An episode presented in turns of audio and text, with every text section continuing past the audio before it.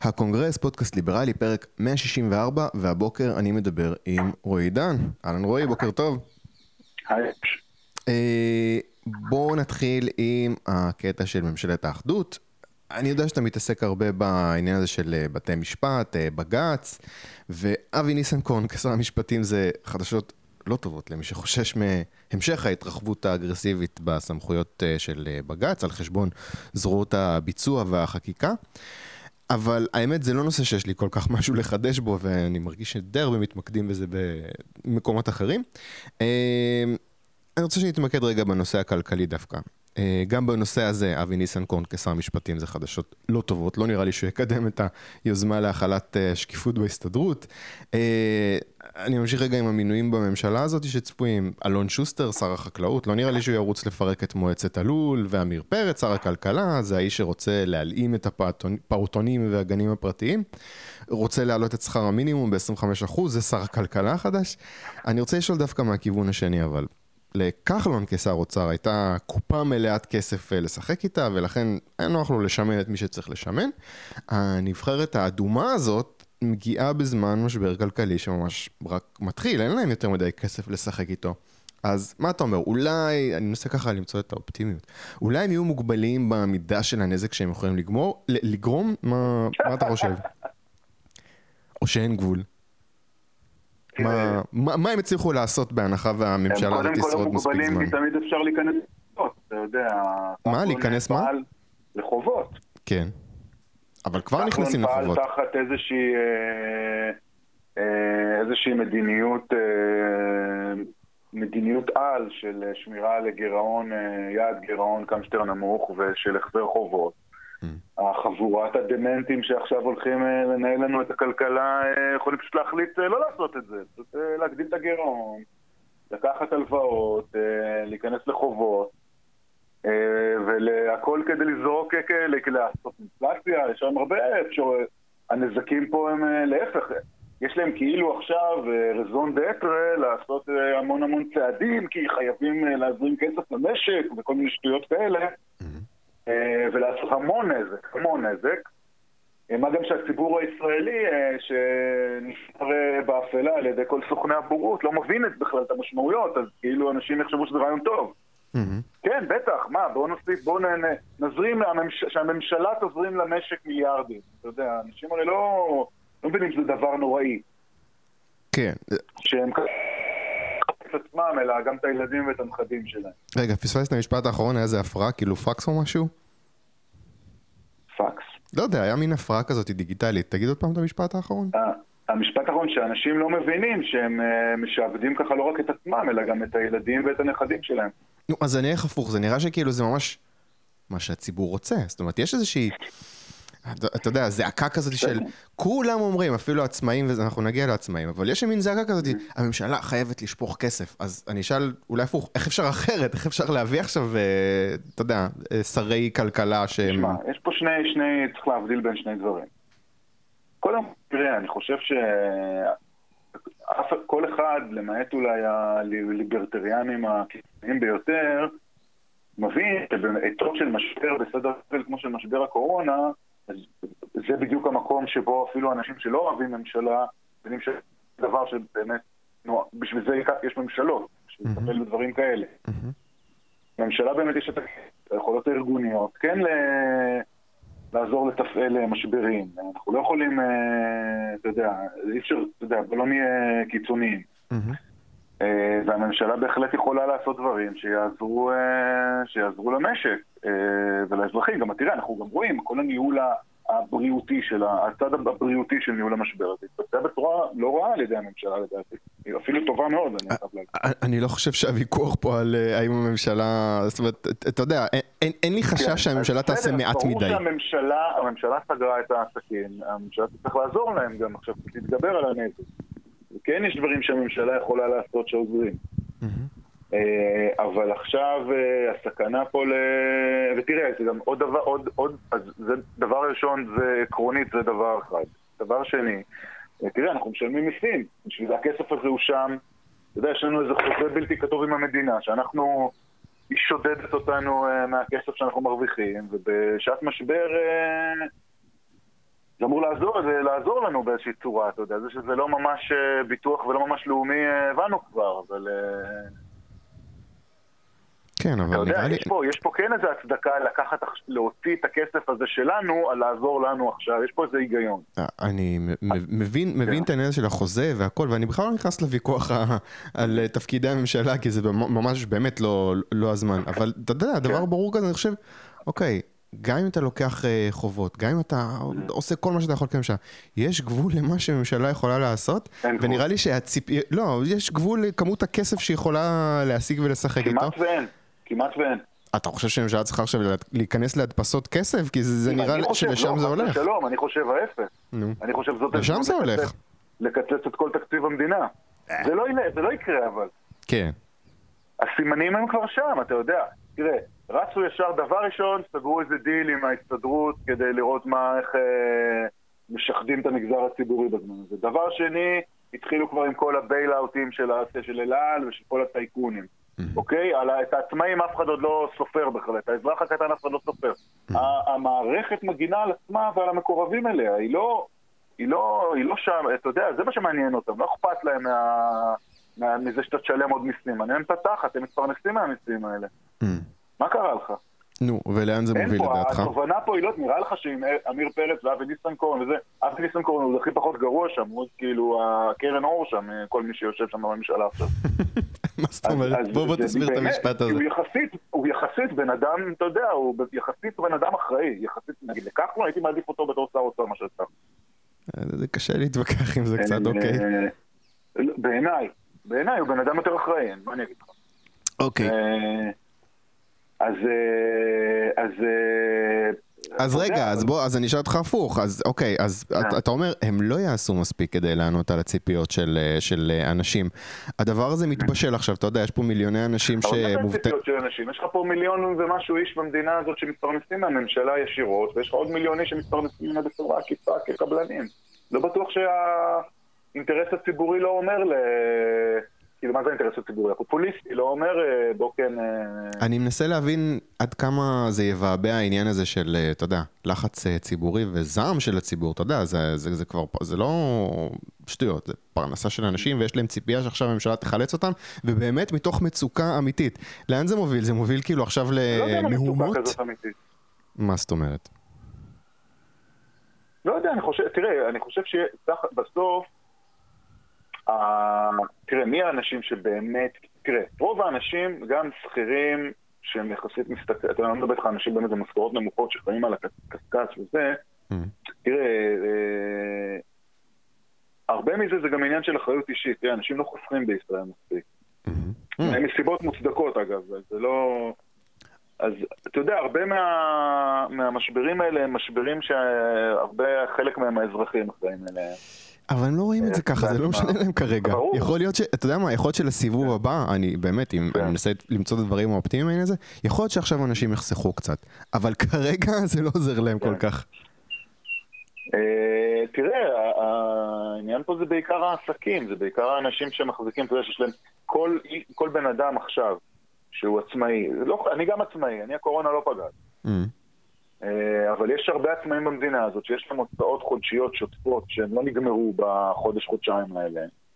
ושאתה יודע, הם משלמים שכירות, משלמים ארנונה, משלמים אה, חשמל, משלמים זה על חנויות, על עובדים, על זה, ממשיכים, אתה יודע, יש להם תשלומי חובה.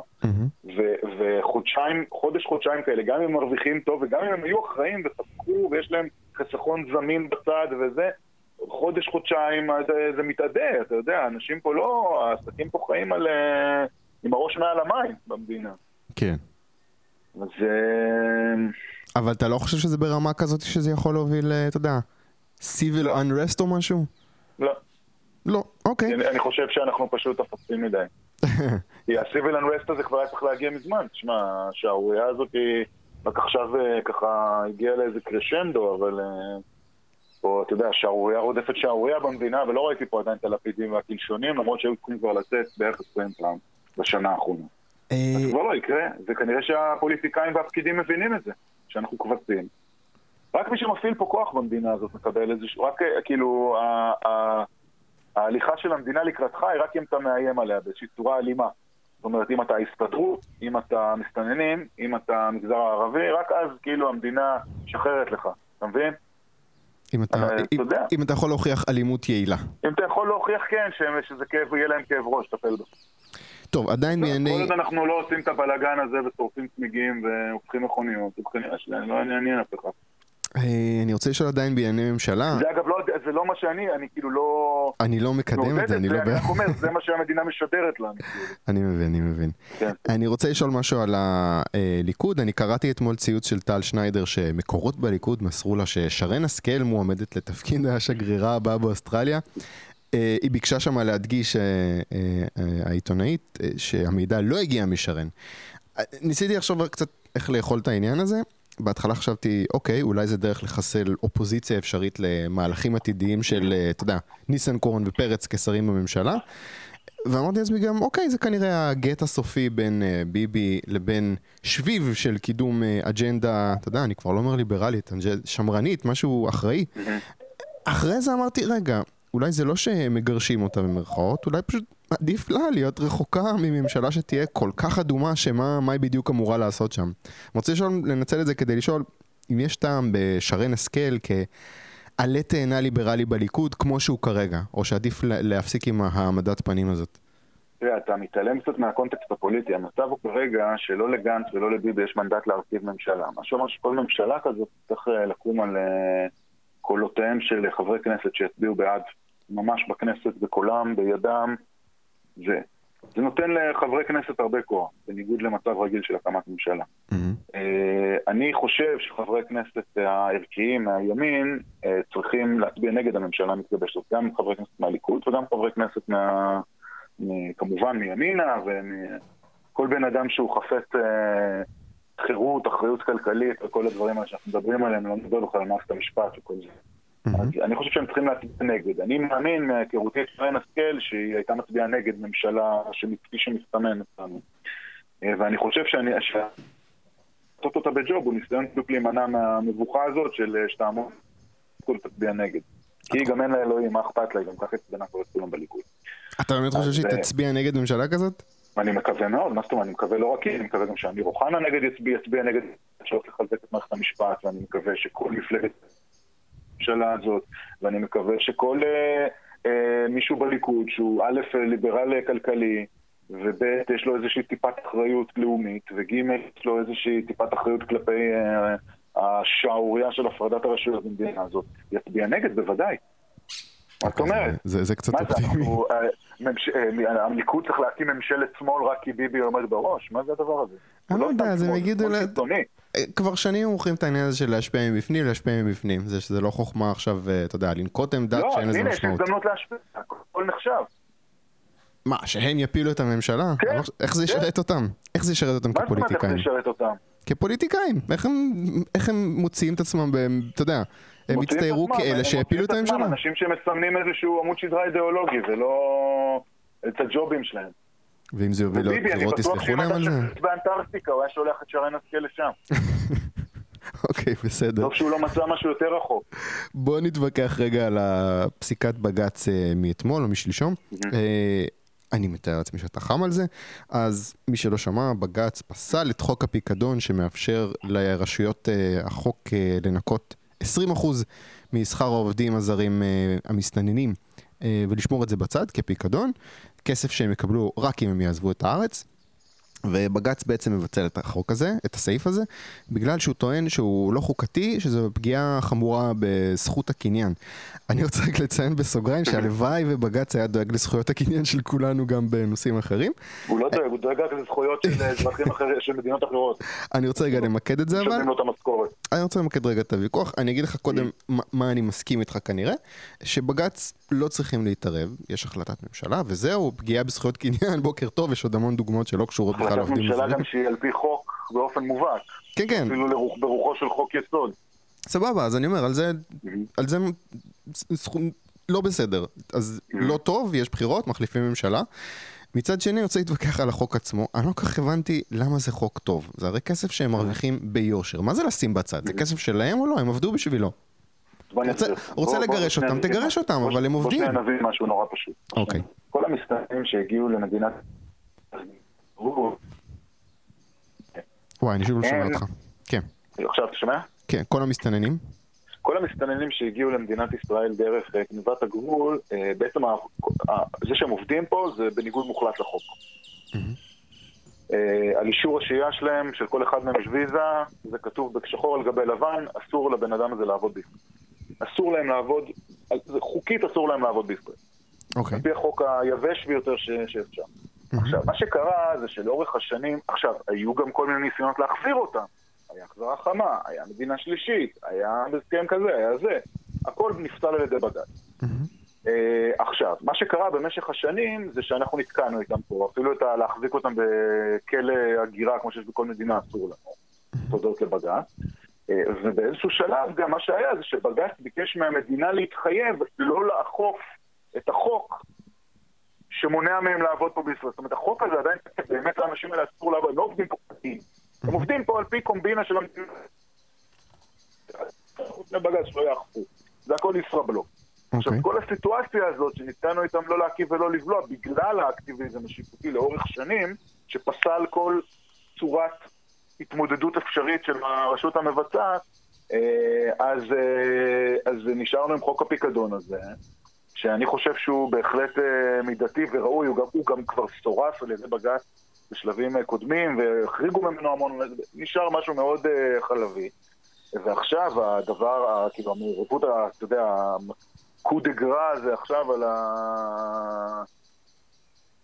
הקו דה גראס הזה עכשיו על, ה... על החוק הוא, אתה יודע, רק הדובדבן על הקצפת, כן? זה פשוט שערורייה שאין כדוגמתה. חושב שזה הזוי, אני חושב שזה, באותה מידה אפשר להגיד שהביטוח לאומי שלוקחים לנו הוא לא חוקתי ולא מידתי ולא עומד עם זכויות הקניין שלנו, והמיסים שאנחנו משלמים בשביל לממן את השופטים האלה, זה עוד יותר גרוע מהפיקדון. אה, כי את הפיקדון, ואנחנו משלמים ביטוח לאומי, את הפיקדון לפחות הם יראו כשהם יצאו מהארץ, את הכסף של ביטוח לאומי אנחנו לא נראה בחיים. זה הרבה יותר גרוע. אה, ואני חושב שפה, כרגיל, בג"ץ פשוט זה גוף פוליטי, קיצוני, מוטה, אה, ששולט לנו בחיים, הרבה בגלל רפיסות של, אה, של ביבי וממשלותיו וכנסותיו במשך השנים. זה דבר שהיה צריך להיתקל במחאה ציבורית חריפה ורחבה ביותר. הדבר הזה לא קורה, כי אנשים כבשים, הם לא מבינים את זה, אבל כל אחד יבין את זה כשזה יגיע אליו בסוף. זהו, אתה, אני, אני עוקב אחריך בטוויטר, וראיתי אותך כותב אתמול, ולא פעם ראשונה שאתה כותב את זה, שנראה לך שזה לא מעניין אנשים. זה לא מעניין אנשים. זה מעניין רק את מי שזה נוגע לו ישירות. אנשים שחיים בדרום תל אביב. ואת הסוטים ואת הסוטים לדבר. אין כמעט אנשים שחיים בדרום תל אביב, כאילו אנשים ישראלים, אזרחים ישראלים, אין כמעט. זה הכל, השכונות האלה התרוקנו, חלקן לחלוטין, חלקן כמעט לחלוטין אזרחים אה, ישראלים. כן, בנווה שאנן אין אזרחים ישראלים, נשארו שם רק החלשים, החלשים והמסכנים ביותר שאין להם שום יכולת לצאת משם. אה, התקווה מתרוקנת, אה, אה, השכונות האלה מתרוקנות, הילדים שם, ראינו את זה בתחילת שנת הלימודים, אין שם, אין שם יותר ילדים ישראלים למעשה, אה, השכונות האלה התרוקנו לחלוטין מיושביהן היהודים. זהו, אוקיי, אז, אז הם בורחים. ומה שנותר לנו זה נותרו לנו איזה שהן אקס טריטוריות אה, מזרח אפריקאיות בלב תל אביב. ובוא, שיהיה לנו בהצלחה עם זה. אה, אני רוצה לשאול אותך אבל רגע שאלה מהותית להתנהג, להתנתק רגע מה... אה, אגב, אני חייב להגיד משהו. אני, אני כבר נראה לי גם דיברנו על זה פעם, כן, אני חושב שהמסתננים הם תופעה כלכלית מצוינת. זהו, בוא... אני צריך אותם. נו. רק זה צריך להיות מסודר, אי אפשר, אתה לא יכול לייצר איזה מצב שכל אחד שרוצה, אז בוא, סגור הסכם עם ממשלת אריתריאה, שכל אחד מהם יקבל פה ויזת עבודה לשלוש שנים, יעבוד, ייסע הביתה, יבואו חדשים. אה, זה לא, אתה יודע, אנחנו, אנחנו לא, הדיון הוא לא אם הם צריכים להתאזרח, אתה, אתה מבין, זה נהיה מין קטע כזה של בג"ץ מנסה לאזרח אותם פה, והארגוני השמאל וכל המממנים האירופאים והיהודים אה, השמאלנים שלהם מאמריקה. מנסים לאזרח אותם פה, אוקיי? אנחנו, זה, השיח הוא צריך בכלל להיות כלכלי, זה צריך את האנשים האלה, לא צריך את האנשים האלה, אם צריך אותם, וכנראה צריך, אז בואו אה, נעשה את זה מסודר. איך זה יפתור את הבעיה של דרום תל אביב אבל? הבעיה של דרום תל אביב, הסיפור הזה נגמר של דרום תל אביב, אין יותר פה... כן, אני זה- אומר, אבל, אבל כאילו מדברים על פה, זה כאילו לא זה ש- קשור לזה שהם אתה כבר לא... לא נלחם, אתה כבר לא... האוכלוסייה שם הרימה ידיים, האוכלוסייה שם זה לא מעניין אותה. מי כן, אבל- שיכול, מי- מי היא- שהדירות בבעלותו, מסתיר אותן לאריתריאים ועוזב. אם הם היו חוקיים, אבל זה עדיין היה קורה. עניים, אנשים שגרים בדמי מפתח וכאלה, נתקעים שם, אבל זה מעט מאוד אנשים, זה אנשים חלשים. זה אנשים שלא מעניינים אף אחד במדינת ישראל.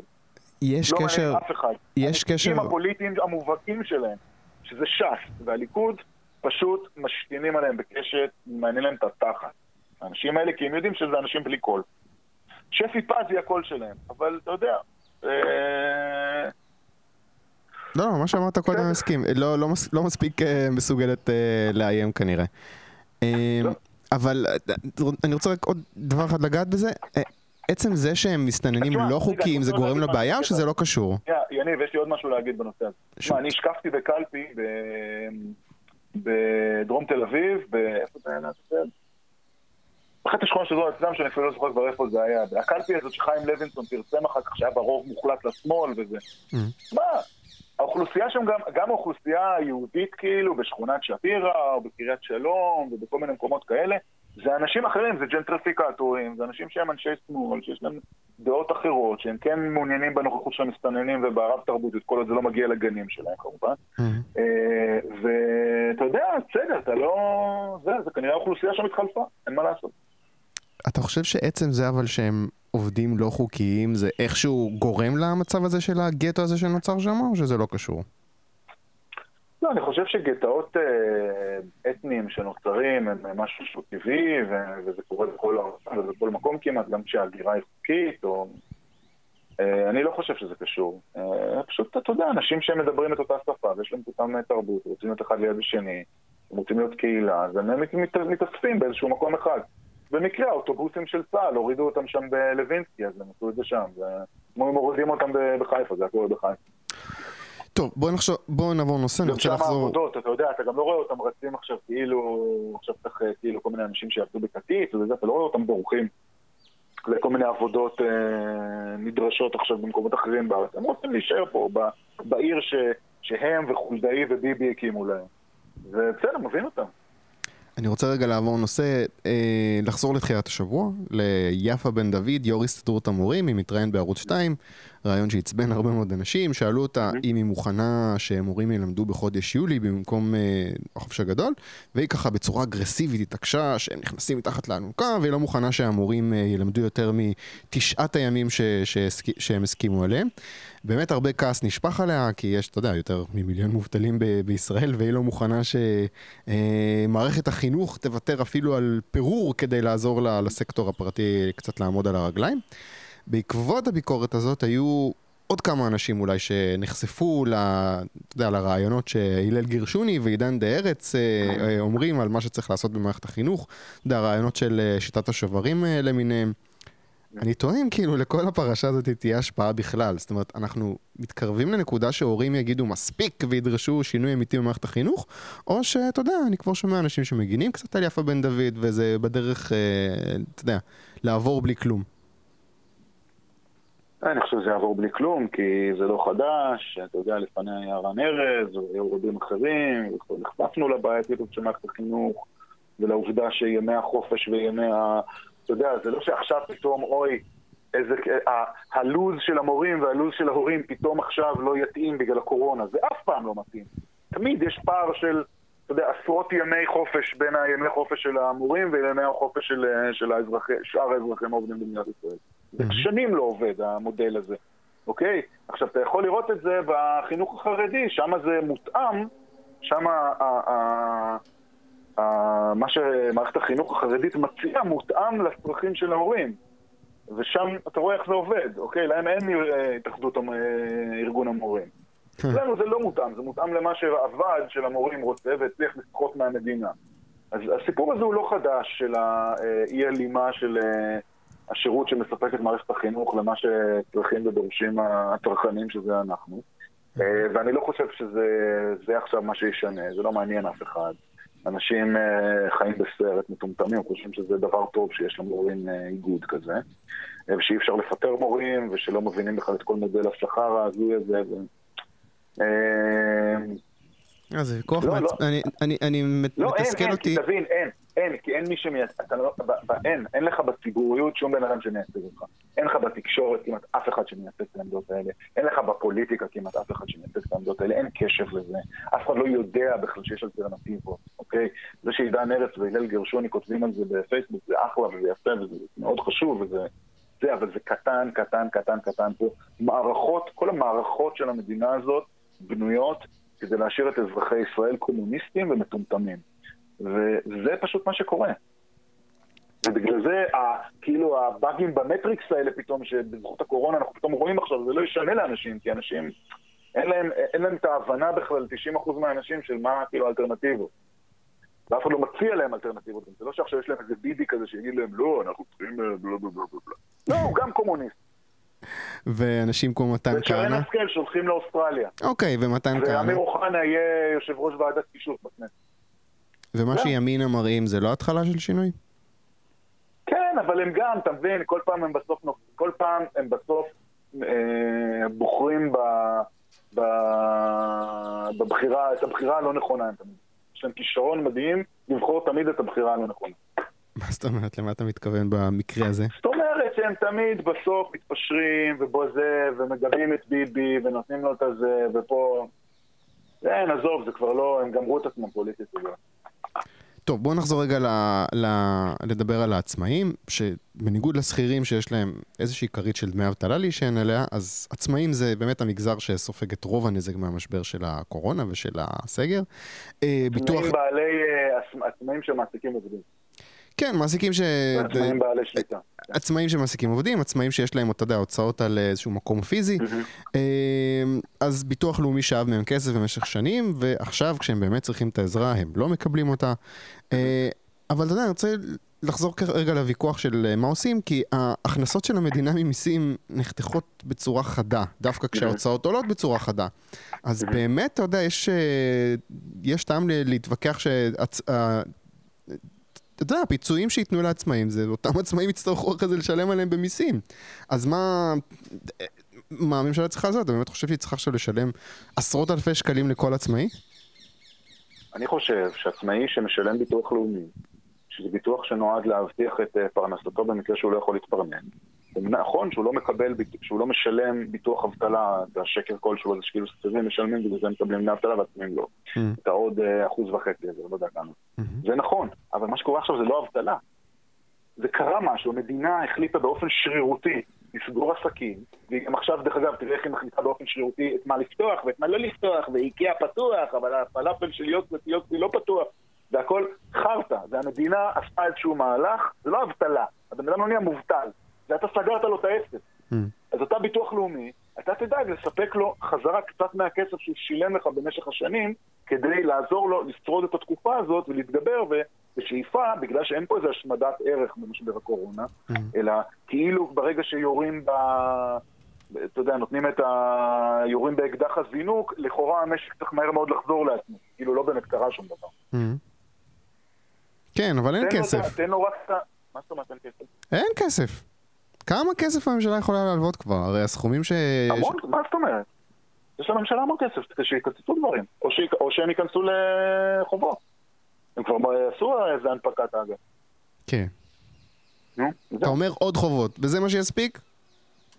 או עוד חובות או קיצוצים. Mm, אוקיי, טוב. אה... או, או גם, וזה כנראה איזשהו שילוב של גם ו...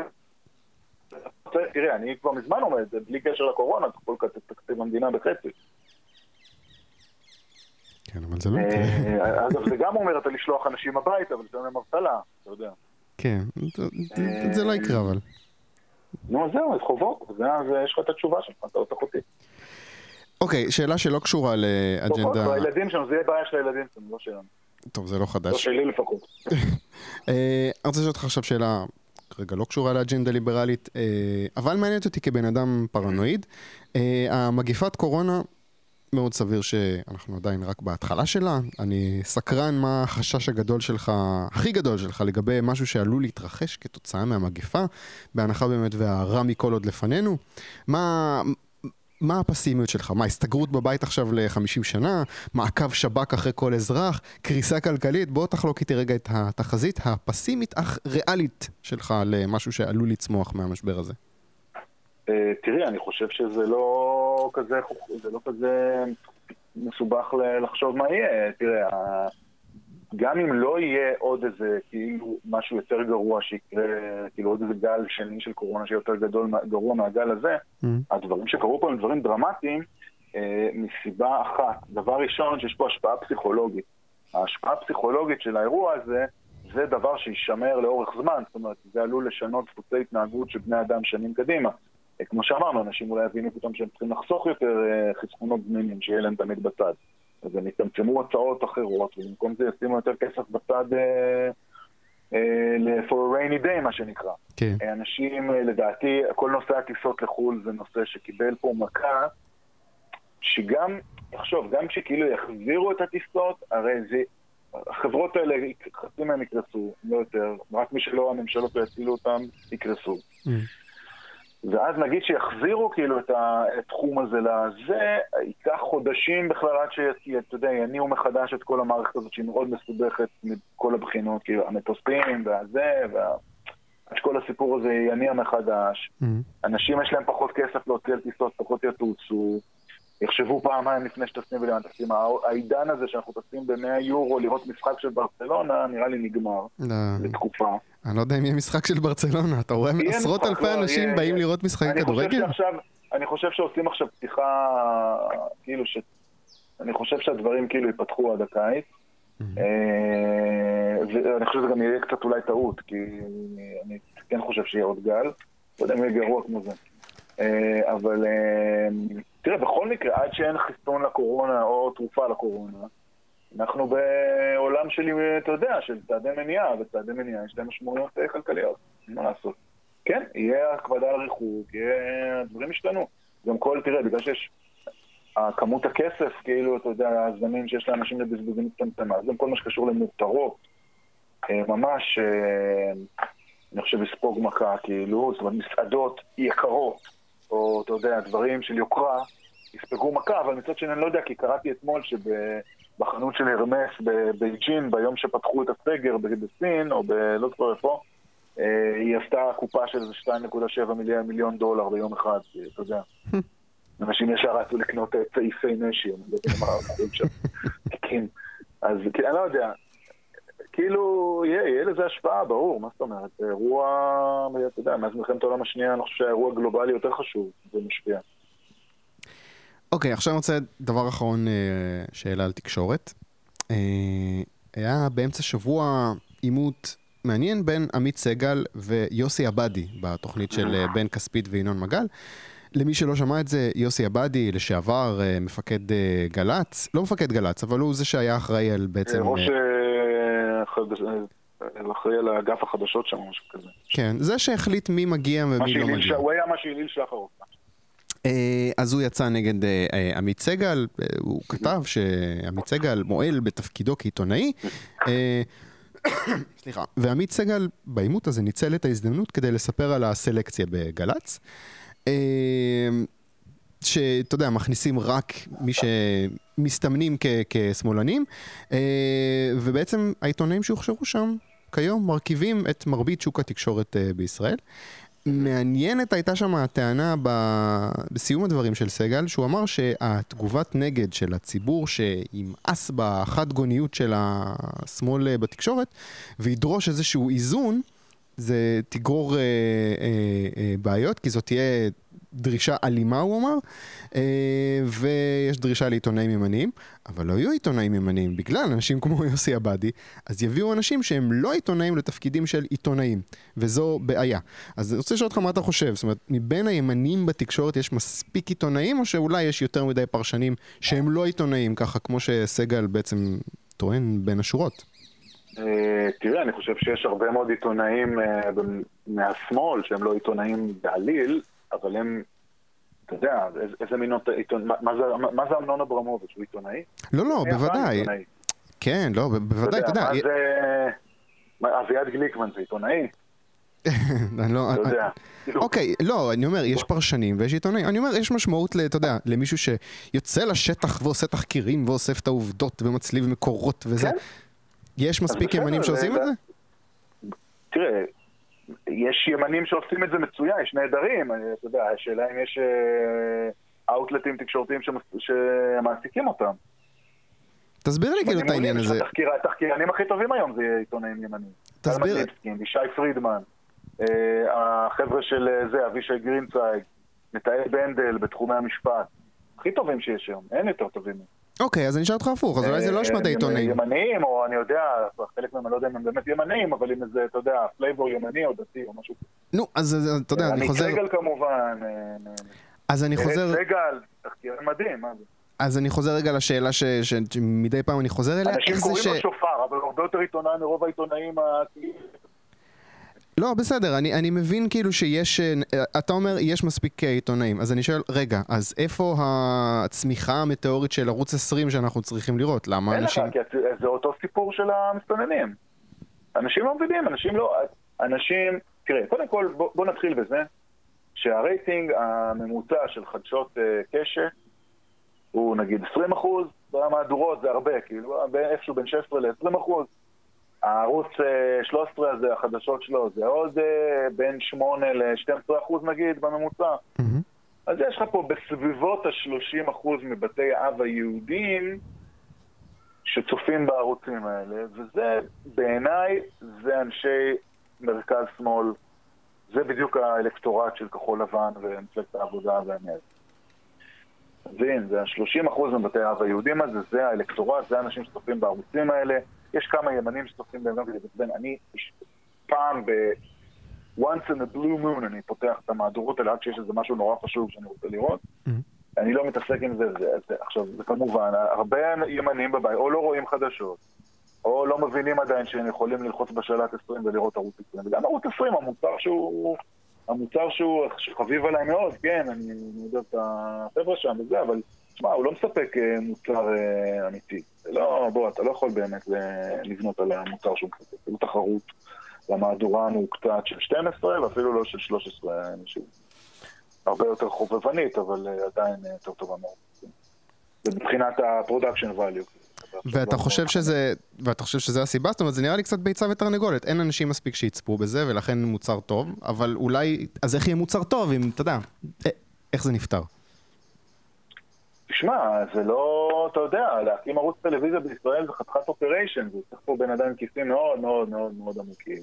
אנשים, אתה יודע, יש מיטב הזיליונרים בישראל שורפים כבר שנים מאות מיליונים מהכספים שלהם על הערוצי הטלוויזיה האלה שרק מפסידים כסף. אה, כי כנראה יש להם איזשהו אינטרס, אלא אנשי, אה, אנשי ימין כיסים עמוקים או שאין. הבעיה היא לא שאין עיתונאים ימנים, הבעיה שאין בעלי הון ימנים. אה, אז או שאין אנשים עם כיסים עמוקים, או שהם משקיעים את הכסף שלהם בכל מיני שטויות אחרות שהרבה פחות משמעותיות. כי נגיד, אני אתן לך דוגמה, יש לך נגיד משפחות שמשקיעות הרבה מאוד כסף בעיתונים מסוימים, שמקדמים ומתווכים את, אה, רק את ביבי לאורך שנים. אבל זה לא עוזר לימין. אין, אה, אתה יודע, מה, במה ישראל היום עוזר לימין? יש שם דרך אגב עיתונאים ימנים נהדרים, פיגמן, אה, אני יודע, אה, טוב, זהו. סתם, אני בטוח שיש שם עוד סתם, כן. בליינקס כרגע, אבל יש שם עיתונאים מצוינים, כותבים שם לפעמים דברים, אלדד ב', יש שם עיתונאים נהדרים שעובדים בישראל היום. אבל מה זה עוזר לי, אתה יודע, גם, זה, הכתבות של האלה זה, אתה יודע, התפוצה שלהם, אין אין על זה אף פעם פולו-אפים, אין על זה אף פעם, זה לא, זה לא תופס. הבנתי אותך. אתה אומר, תביאו לי את המיליארדר הימני שישים פה עכשיו את הכסף. לא, בשביל להתמודד עם מה שקורה פה משמאל, צריך פה לא מיליארדר אחד, צריך פה כמה מיליארדרים. אני לא בטוח שיש. אוקיי, דבר אחרון, המאבק הוא מאבק בכוחות אה, עצומים, עצומים. זה, אזרחי ישראל לא מבינים מה המאבק פה בכלל, מאחורי הקטעים. כוחות אה, עצומים, שההתמודדות איתם היא מאוד מאוד קשה. הבנתי. טוב, דבר אחרון אני רוצה לדבר איתך, לבקש ממך המלצת תרבות, זו תקופה, עדיין תקופה קצת פסיכית, ואני רוצה לדעת מה אני שומר בטוח אותך. שאנשים כבר סיימו ממילא את כל... את? את כל מה? אנשים כבר סיימו בטח את כל נטפליקס ואת כל אמזון, ו... או, אז אני רוצה לדעת מה שומר אותך שפוי בתקופה הזאת, ספר, סרט, פודקאסט, משהו שאולי אנשים לא ראו.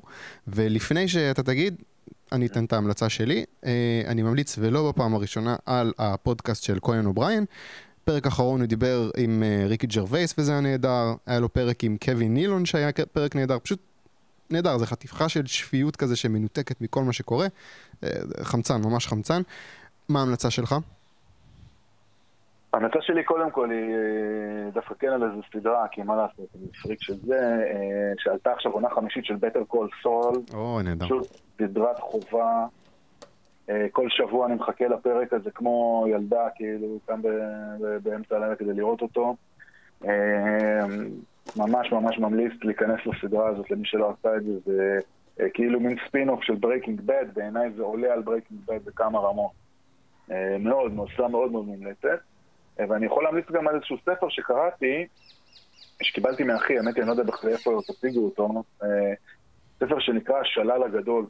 זה ספר ענק של איזה אלף עמודים, אה, של חבר שקוראים לו דניאל יארג'ין, אה, וזה בעצם מספר על ההיסטוריה של הנפט.